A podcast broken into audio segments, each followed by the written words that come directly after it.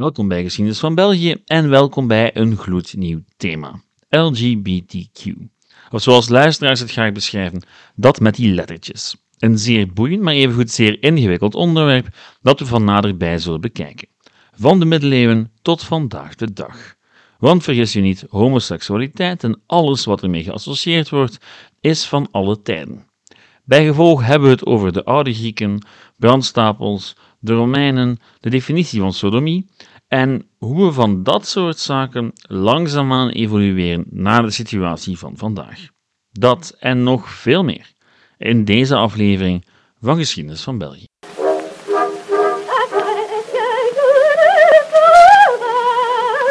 Dit is zo een van die onderwerpen waarvan je zou durven denken dat er nog maar weinig over geschreven is. Of dat we er simpelweg bitter weinig van weten. Want ja, als iets de norm niet is, dan is het wel logisch dat we er weinig informatie over hebben, toch? En al zeker als datgene dat buiten de norm is, strafbaar is.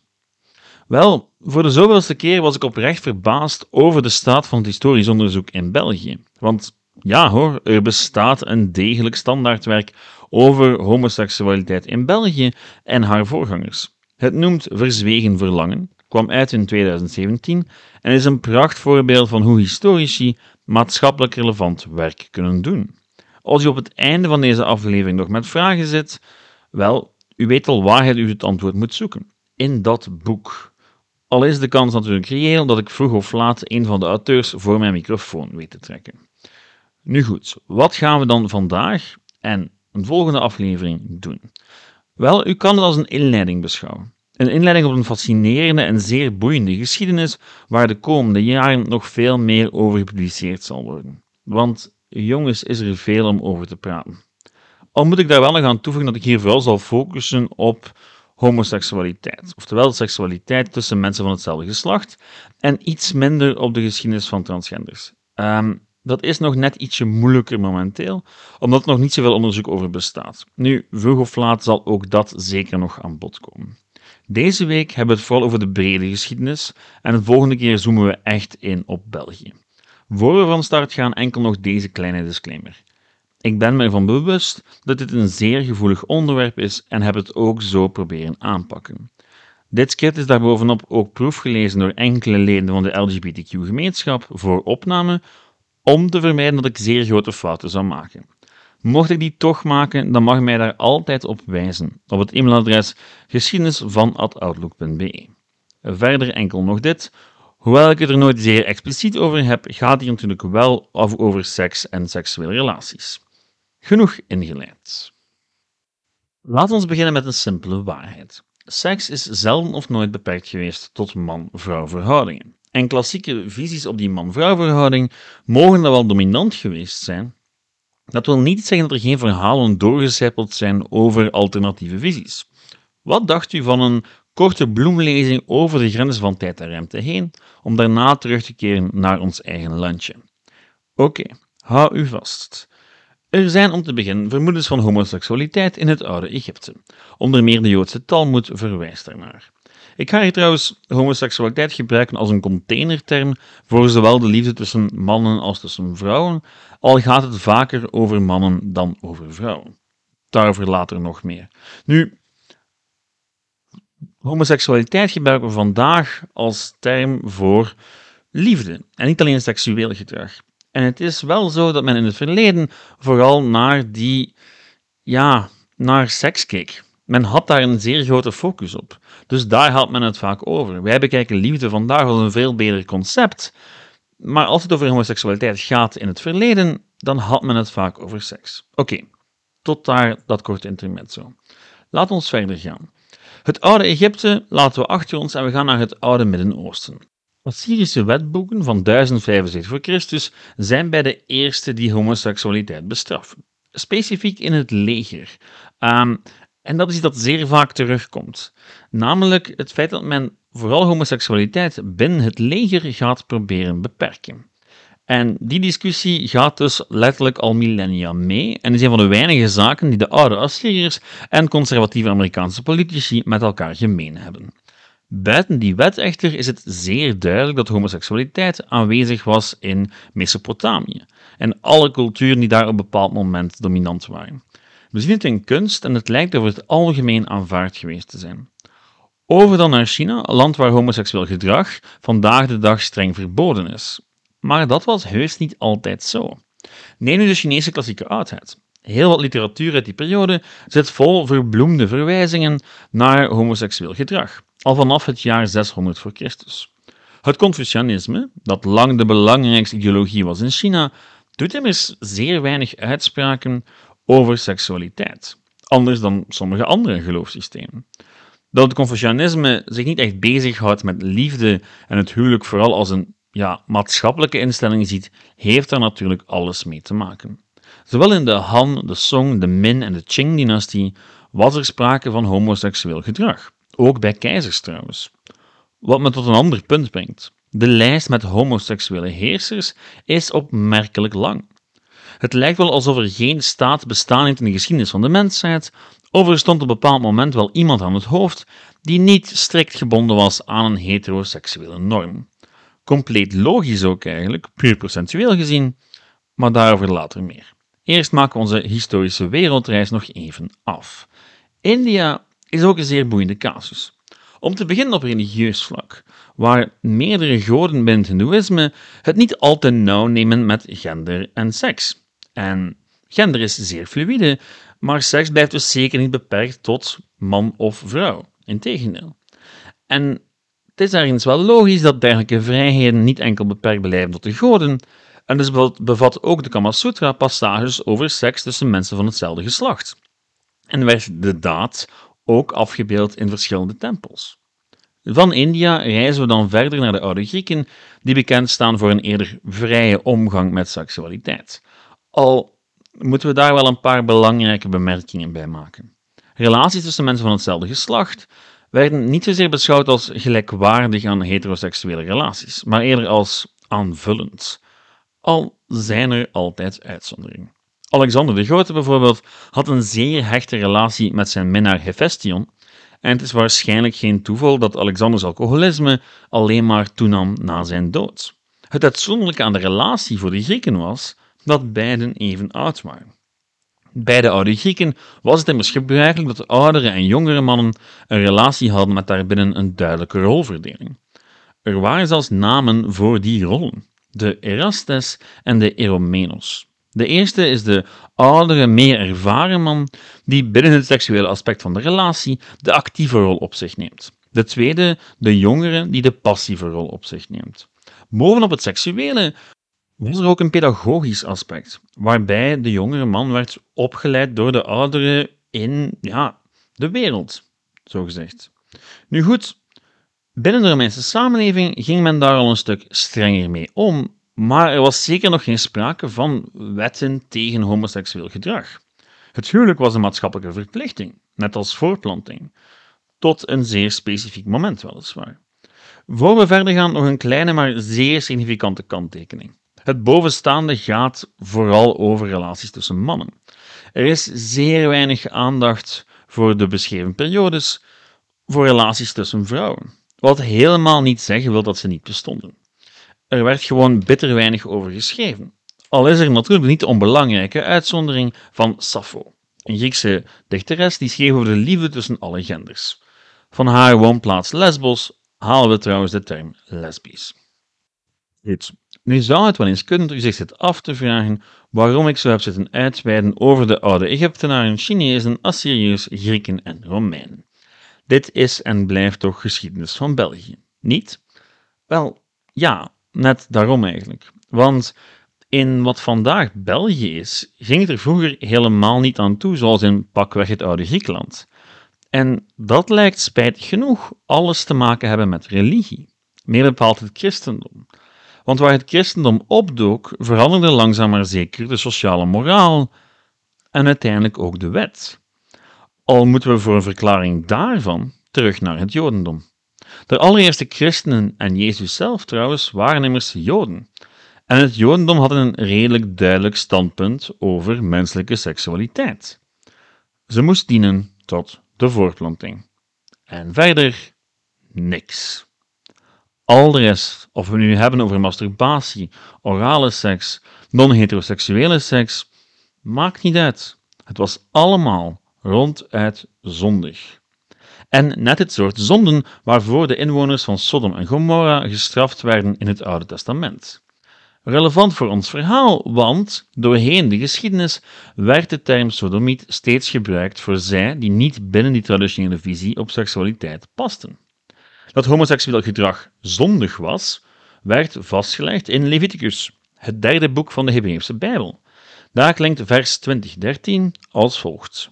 Wie met een man het bed deelt als met een vrouw, begaat een gruweldaad. Beiden moeten ter dood gebracht worden en hebben hun dood aan zichzelf te wijten. Klinkt zeer duidelijk. Nu, je kan je de vraag stellen in welke mate Leviticus zo belangrijk is. Het is namelijk een tekst van voorschriften over het Joodse priesterschap en bevat regels over respect tegenover ouderen, met wie men wel of niet mag trouwen, overspel, menstruatie enzovoort. Nu, in heel die tekst zit een heel restrictieve visie op seks en op de maatschappij. En het is die restrictieve visie die uiteindelijk de norm zou worden in de vroege kerk. Want natuurlijk, ja, heel wat Joodse teksten zijn uiteindelijk in het Oude Testament beland. En maakten dus deel uit van het geloofssysteem van de vroege christelijke kerk. En natuurlijk zou die vroege christelijke kerk uiteindelijk zeer veel aan populariteit winnen in het Romeinse Rijk. Tot de keizers uiteindelijk het christendom oplegden aan al hun inwoners. Nu goed, dat wil natuurlijk niet zeggen dat het van de ene dag op de andere gedaan was met relaties tussen mannen of tussen vrouwen. Het bleef gebeuren, maar het werd, naarmate de tijd verstreek, steeds minder aanvaard binnen de brede maatschappij. Al zijn er tegelijkertijd meer dan genoeg aanduidingen dat homoseksualiteit en homoseksueel gedrag niet zomaar verdween. Integendeel, het feit dat een heleboel theologen het nodig vonden om er traktaten aan te wijden, doet vermoeden dat de praktijk nog niet uitgeroeid was. Hoe langer de middeleeuwen duurden, hoe meer men binnen de katholieke kerk begon te geloven in natuurwetten, waar men de wil van God in kon erkennen. En homoseksueel gedrag was, zoals u al kunt raden, onnatuurlijk gedrag, dat inging tegen de wetten van God. In elk geval in de ogen van die theologen. Nu goed, het bovenstaande is allemaal theorie natuurlijk, en dan moeten we het misschien hebben over de praktijk. Want werd homoseksualiteit dan ook echt gestraft met de dood in de Europese middeleeuwen? Wel, ja. Toch zeker in de late middeleeuwen. In de vroege middeleeuwen was homoseksueel gedrag gewoon de zoveelste zonde. En het was niet iets waar de wereldlijke overheid zich echt mee bezig hield. De kerk wel, want ja, de kerk was nu eenmaal verantwoordelijk voor de moraal en voor het ja, zuivere leven van de geloofsgemeenschap. Maar de overheid hield zich daar lange tijd niet mee bezig. En zelfs in de ogen van de kerk leek homoseksueel gedrag nu niet bepaald de ergste zonde te zijn. Een voorbeeldje. In de 8e eeuw schreef Paus Gregorius III 160 dagen van boetedoening voor, voor vrouw-vrouw relaties en één jaar voor man-man relaties. Nu, dat is niet bepaald progressief, maar nog steeds progressiever dan sommige landen vandaag, waar nog steeds de doodstraf staat op homoseksueel gedrag. Wat eigenlijk wel vreemd is, want we associëren de vroege middeleeuwen vaak meer met barbaarse praktijken dan de late middeleeuwen en de renaissance. Maar hoe dichter we bij die renaissance komen, hoe erger het wordt. En daar zijn een paar verklaringen voor. Niet dat ik die allemaal zeer uitgebreid kan toelichten, maar hier komt het op neer. Vanaf de 11e eeuw begon de katholieke kerk te veranderen. De paus begon steeds meer macht naar zich toe te trekken en daar ging een hardere houding mee gepaard tegen zogenaamde sodomieten. Daarbovenop kreeg de kerk niet lang daarna ook steeds meer last van interne problemen waarbij sommigen, zoals de Kataren, zich proberen af te scheuren van de katholieke kerk. En je ziet dan dat heel vaak die zogenaamde ketters van allerlei zaken beschuldigd gaan worden, inclusief homoseksueel gedrag, dus sodomie. En bij gevolg zie je de strafmaat voor sodomie ook alleen maar toenemen. En werd het langzaam maar zeker niet enkel een zaak van de kerk, maar evengoed van de overheid. En begon de overheid zich er dus ook mee te moeien. In het Frankrijk van de 13e eeuw bijvoorbeeld was de straf voor sodomie tussen mannen, castratie, de eerste keer. De derde keer volgde al verbranding. Tussen vrouwen gold verbranding ook voor de derde keer. En het werd er niet beter op tijdens de late middeleeuwen en de renaissance. In 1533 werd in Engeland de doodstraf afgekondigd voor sodomie door koning Hendrik VIII. U weet wel, die brave huisvader met zijn zes vrouwen. Nu, voor een periode waar de elite absoluut geobsedeerd was door de klassieke oudheid, is het ergens ook wel zeer vreemd dat net tijdens de Renaissance de mannen- en vrouwenliefde strenger bestraft werd dan ooit tevoren. Ik heb er nog geen verklaring voor gevonden, komt misschien nog, maar het is heel absurd en het leert ons misschien ook dat we met, de nodige, met het nodige cynisme naar die renaissance mogen kijken. Dat dat niet zomaar een tijd van verlichting was. Voor een stuk, zeker, maar op andere vlakken was hij duisterder dan de vroege middeleeuwen. Zwat. Nu we op het einde van de middeleeuwen gekomen zijn, is het tijd om eventjes stil te staan bij de vrouwenliefde.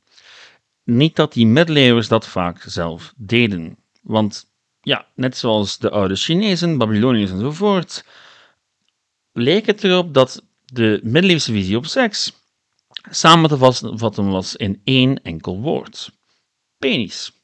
Alles draaide om de penis. Want, zo redeneerde men, voor seks had men een penis nodig. Einde verhaal. Het zorgde er ook voor dat men weinig of niet bezig was met vrouwelijke seksualiteit. En liefde tussen vrouwen werd dan ook in de eerste plaats gezien als een onnodige afleiding van wat echt belangrijk was, namelijk de voortplanting. Dat merk je bijvoorbeeld ook in de strafmaat. Zo werd een getrouwde vrouw harder gestraft dan een ongetrouwde vrouw voor een dergelijk zedenmisdrijf. En daar valt trouwens ook masturbatie onder, want wat had je gedacht? Het boeiende eraan is dat seks tussen vrouwen binnen de katholieke kerk minder zwaar bestraft werd dan overspel tussen een getrouwde man en een getrouwde vrouw. Wat nog maar eens bevestigt dat er in de middeleeuwen een penis aan de pas moest komen als seks serieus genomen wou worden. De overheid had ook bijna geen wetten die gewijd waren aan seks tussen vrouwen, dat in tegenstelling tot seks tussen mannen. Nu, dit hele historische overzicht heeft bij mij een belangrijke vraag opgeroepen. Het is een metavraag, dus verwacht zeker geen concreet antwoord. Maar de vraag is het volgende: wat is liefde? Wat is een relatie? En oké, er bestaat vandaag de dag al weinig eensgezinsheid over een antwoord op die vragen, maar je kan je de vraag stellen in welke mate wij onze definities kunnen projecteren op het verleden. Als we het hebben over homoseksueel gedrag in de middeleeuwen, is het zeer moeilijk om gelijkenissen te zien met hoe het er vandaag aan toe gaat. De bronnen vertellen ons weliswaar een heleboel, maar tegelijkertijd bitter weinig over hoe het was in de dagelijkse praktijk. We kunnen het ons eerlijk gezegd maar moeilijk voorstellen. The past is a different country, weet u wel. Want niet alleen de blik op homoseksualiteit is grondig veranderd, ook onze blik op seksualiteit en liefde court. En dat maakt het heel moeilijk om die aspecten van het verleden echt te begrijpen. Al kunnen en moeten we het wel proberen. Hoe dichter we bij vandaag komen, hoe duidelijker we de evolutie naar onze hedendaagse maatschappij kunnen zien. En dat gaan we volgende keer doen. Volgende keer gaan we kijken naar de situatie in België vanaf de middeleeuwen en werpen we een blik op de bronnen die we wel hebben en wat die ons kunnen vertellen. Het brede plaatje van deze week was vooral nodig om het grote perspectief te krijgen. Goed, ik zei volgende keer en niet volgende week. Daar is een zeer goede reden voor, want tijdens de paasvakantie vertrek ik op huwelijksreis. En geloof het of niet, mijn vrouw vindt dit geen goed idee dat ik mijn laptop en opnameapparatuur meesleep. Bijgevolg zou je nog eventjes moeten wachten op aflevering 2 van dit reeksje. Niet dat ik u compleet in de steek laat, volgende week kan u luisteren naar een interview met mij dat een tijdje geleden werd afgenomen, waarin ik het heb over het hoe en waarom van de podcast. De tweede week van de paasvakantie volgt iets anders. Weet ik nu nog niet, maar u ziet het wel nog. En met suggesties, commentaren en dergelijke meer kan u zoals altijd terecht op de Facebookgroep Geschiedenis van België, de website Geschiedenis van België en het sorry, geschiedenisvan.be en het e-mailadres geschiedenisvan.outlook.be. Goed, bedankt voor het luisteren en tot binnen een week of twee. Ciao!